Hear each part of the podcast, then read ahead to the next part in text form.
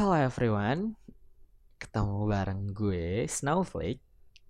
Kali ini kita bakal belajar bareng tentang sebuah tools yang bisa ngejepret gambaran bisnis yang lagi lu bangun dalam selembar kertas. Menarik nggak tuh bahasannya? Sebelum itu gue mau cerita dulu. Sekitaran tahun 2013 sampai 2017, gue pernah mencoba membangun bisnis. Bisnis ini berkaitan sama kemampuan gue waktu itu. Gue belajar hipnosis dan hipnoterapi. Jadi fokus gue waktu itu adalah gimana caranya buat bikin pelatihan hipnoterapi sama dapetin klien untuk hipnoterapi itu.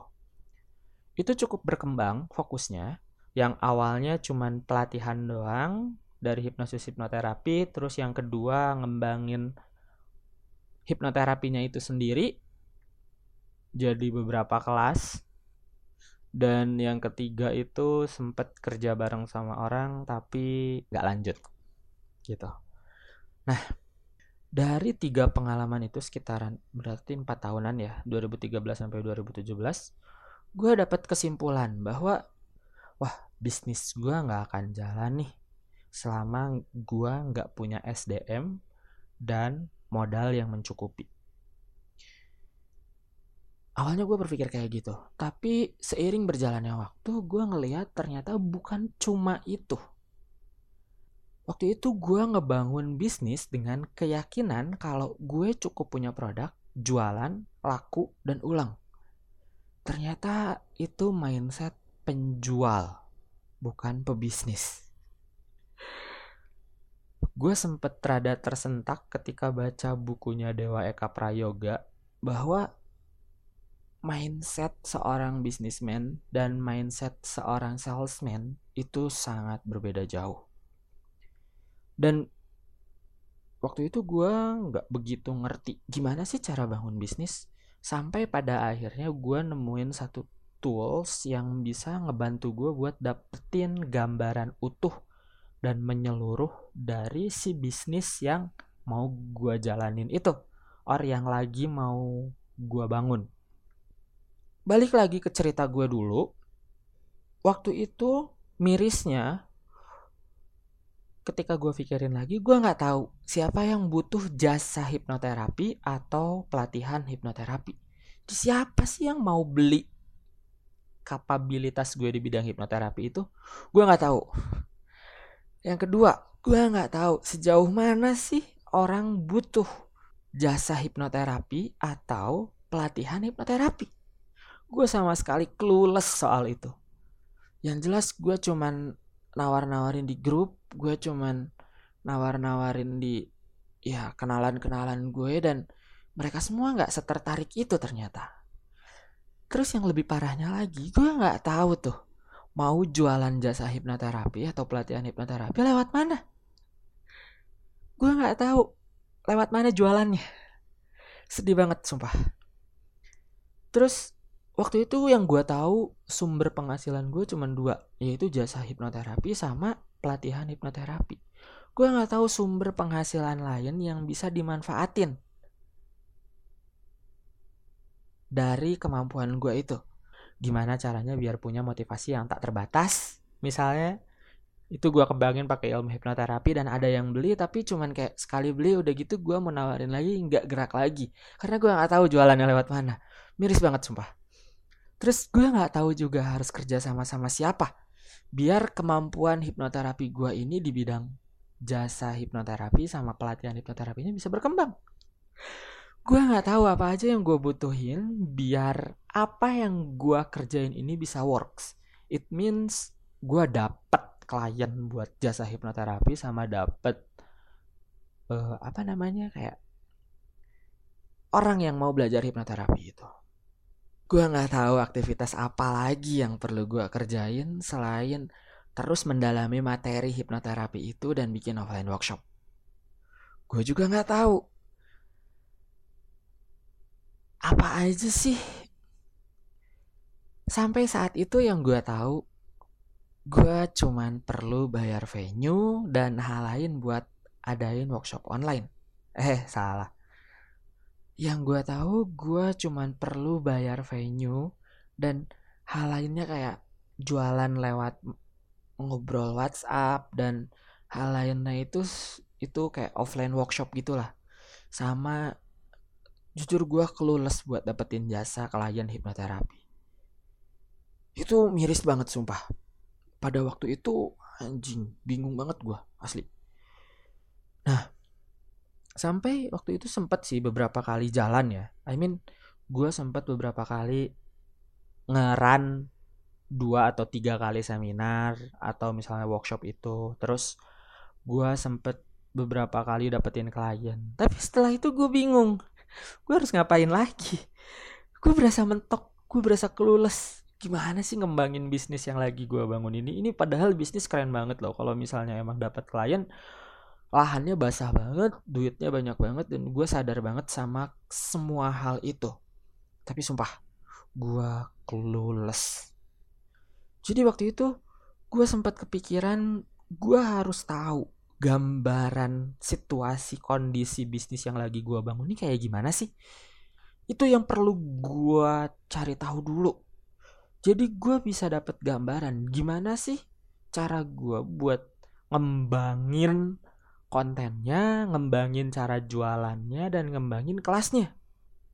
Itu tapi gue waktu itu clueless sumpah. Clueless sumpah. Sampai gue nemuin si tools ini gitu loh. Ini prolog awal gue bisa kenal sama satu tools ini. Nama toolsnya adalah Nama toolsnya adalah Business Model Canvas. It's a framework buat dapetin gambaran utuh dan menyeluruh dari bisnis yang lagi lu bangun. Gua harap gue bisa share pengalaman gue dulu selama tiga tahun itu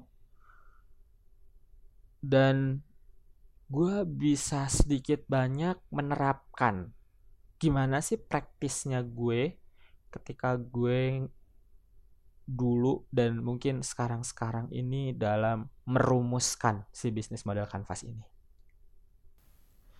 Nah, bisnis model kanvas adalah sebuah framework yang bisa bantu lu buat dapetin gambaran bisnis model yang lagi lu jalani. Sebelum kita bahas tentang bisnis model kanvas, kita perlu tahu dulu nih, apa sih bisnis model itu? Kenapa sih bisnis model itu perlu? Bisnis model itu adalah gambaran utuh dan menyeluruh dari si bisnis yang lagi lu bangun. Bisnis model dibutuhin biar lu tahu, biar lu paham, biar lu ngerti. Bisnis yang lu punya tuh kayak gimana sih situasi kondisinya? Nah, bisnis model kanvas adalah framework yang dipakai buat dapetin gambaran bisnis model yang lu butuhkan itu. Bisa dipahami sampai sini? Jadi, dengan lu ngerumusin bisnis model kanvas, lu kayak punya kamera buat ngejepret situasi dan kondisi dari bisnis model yang saat ini lu bangun secara telanjang. Asli. Dan hasil jepretan bisnis model ini bisa dilihat cuman dari selembar kertas. Lu bisa otak-atik ganti ini ono dan hal lain yang perlu lo lakuin biar bisnis lu bisa bertahan bahkan berkembang.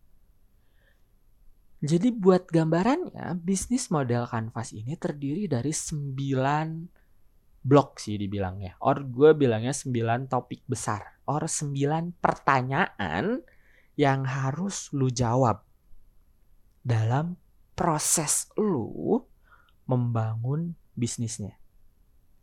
Gimana cara ngerumusinnya itu nanti ada di next lesson. Yang jelas, gue pengen memperkenalkan bahwa ada loh satu tools yang bisa memperlihatkan bisnis lu dalam keadaan telanjang. Yaitu bisnis model kanvas. Yuk kita belajar bareng buat rumusin bisnis model kanvasnya lu.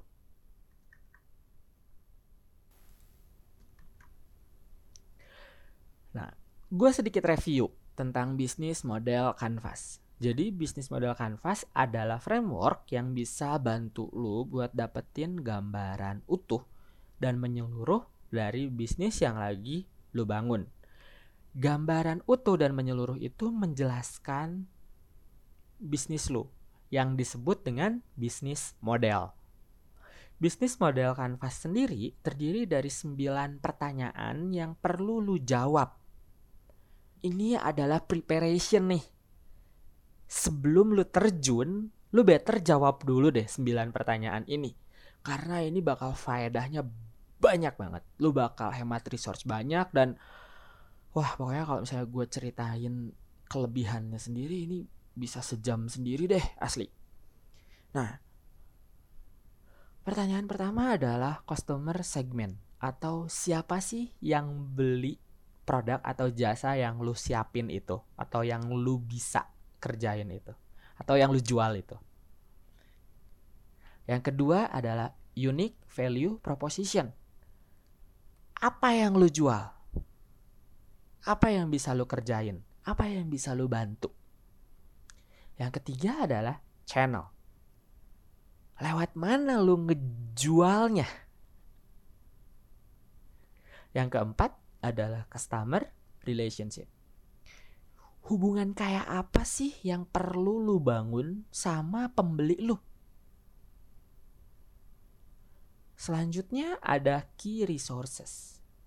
Sumber daya apa aja yang perlu lu miliki biar bisnis lu berjalan or lu bisa ngejual produk lu dan lu bisa ngembangin bisnis lu.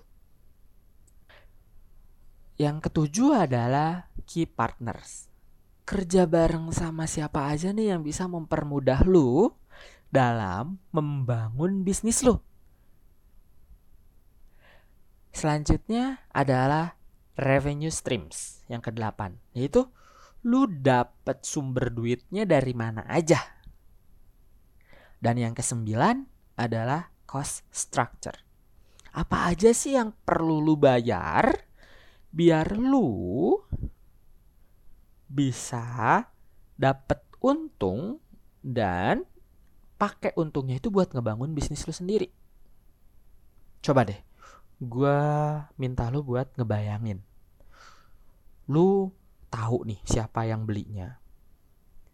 Dan lu tahu nih apa yang dijualnya. Jadi pastiin untuk si yang dijual ini dibeli sama si pembeli. Oke? Okay? Itu dulu pastiin.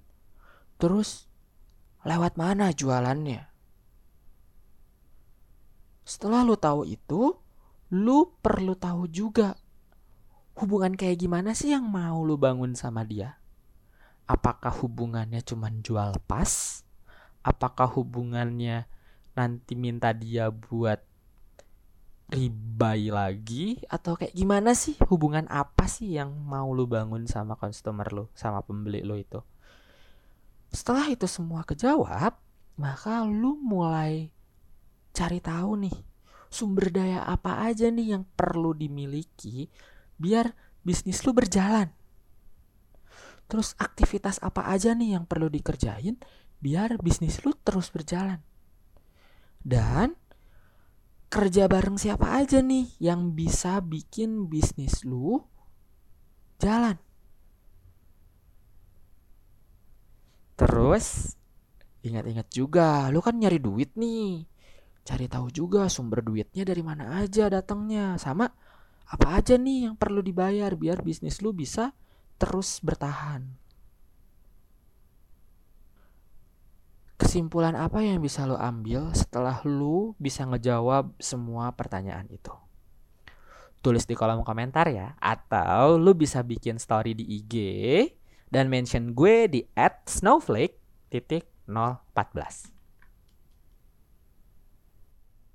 Nah, ada beberapa tahapan yang perlu bukan tahapan sih, lebih tepatnya ada beberapa hal yang perlu diperhatikan ketika lu mau ngerumusin bisnis model kanvas. First yang perlu lakukan adalah brutal honesty. Lu kudu bener-bener jujur sama diri sendiri selama ngisi BMC ini. Karena semakin lu jujur, semakin akurat gambaran yang lu punya dari bisnis yang lagi lu bangun. Hal yang perlu lu pertimbangkan lainnya dalam ngerumusin bisnis model kanvas ini adalah bisnis model kanvas ini bukan cuman sekali bikin terus sekali jadi. Dalam prosesnya, lu disarankan untuk terus cocokin sama realita. Lu rumusin, lu praktekin, lu pelajarin hasilnya, dan lu rumusin ulang. Terus cycle-nya kayak gitu. Karena bisnis model kanvas bakal lebih kerasa manfaatnya ketika lu terapin learning cycle ini. Rumusin, praktekin, pelajarin, dan rumusin ulang. Terus ulangi siklusnya. Ketiga, disarankan untuk satu bisnis model kanvas untuk satu tipe pembeli.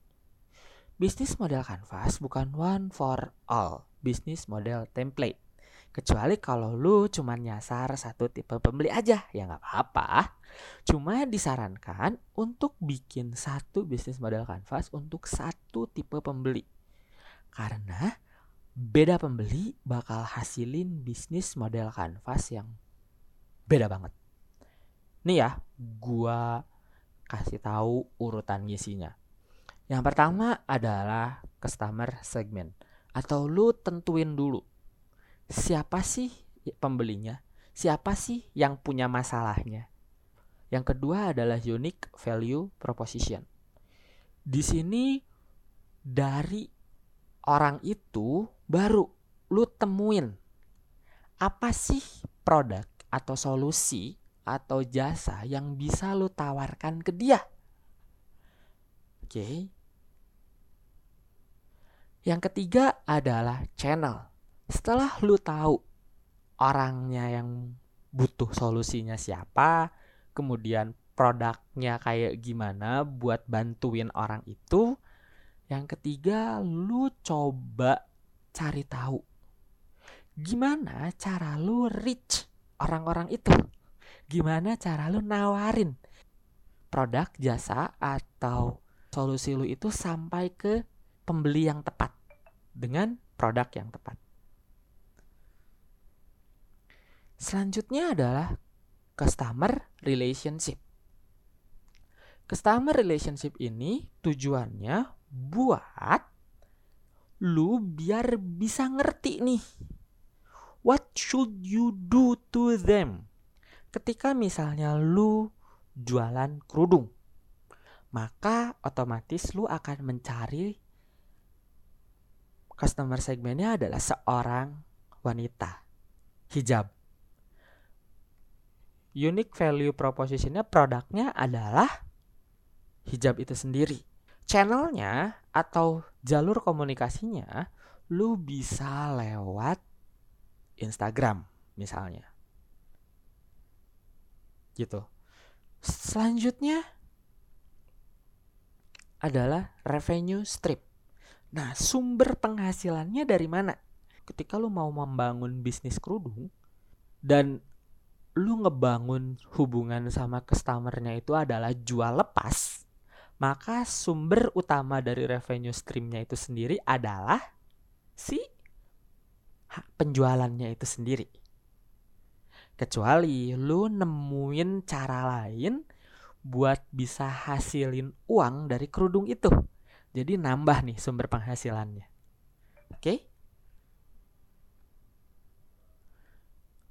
Selanjutnya adalah tentuin key resourcesnya atau sumber daya apa aja sih yang lu butuhin biar lu bisa jual kerudung lu dan dibeli sama konsumennya. Pertama, berarti lu harus punya handphone. Yang kedua, lu harus punya akun Instagram. Selanjutnya, lu harus punya kerudung buat dijual. Terus lu paling enggak punya kenalan di jasa antar kirim barang. Biar lu punya langganan dan biasanya langganan itu lebih murah. Dan pengetahuannya juga. Lu perlu punya ilmu pengetahuan buat bikin konten yang menarik. Biar orang beli kerudung lu. Nah, terus dari situ lu tentuin key activitiesnya. Key activities ini adalah aktivitas apa sih yang perlu lu kerjain. Misalnya, ketika lu jualan kerudung lewat Instagram, maka yang pertama adalah lu perlu tahu gimana caranya foto produknya, foto kerudungnya yang bagus. Apakah mau pakai model ataukah mau digantung di gantungan baju atau kayak gimana. Terus lu perlu ngeposting. Lu perlu ngeposting dengan copywritingnya. Setelah itu lu perlu ngebalesin DM. Lu perlu nyiapin kerudungnya. Lu perlu maketin kerudungnya. Dan aktivitas-aktivitas lain yang menunjang. Biar jualan lu bisa lebih lancar dan ultimately ada yang beli lu dapat duit. Karena tujuan dari bisnis semuanya adalah mencari duit. Gitu.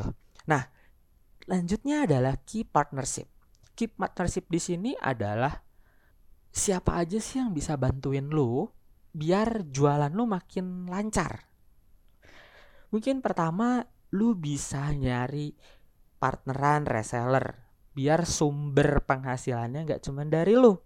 Jadi nanti ketika dia jual, lu juga dapat duitnya dan itu nanti bisa nambah di revenue stream.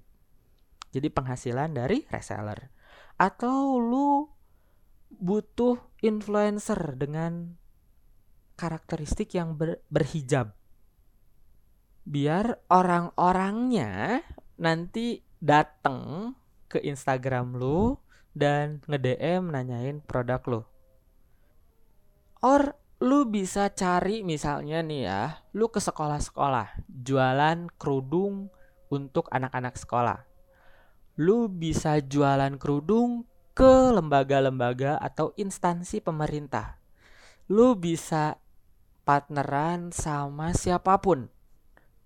Sekebutuhan lo yang jelas bisa bantu lo mempermudah dan memperbanyak volume penjualannya. Jadi semakin banyak partner kerja lo, lo bakal semakin banyak ngejual kerudung lo, lo bakal semakin banyak dapat duitnya. Yang terakhir adalah cost structure cost structure ini adalah pengeluaran apa aja nih yang perlu lo keluarin.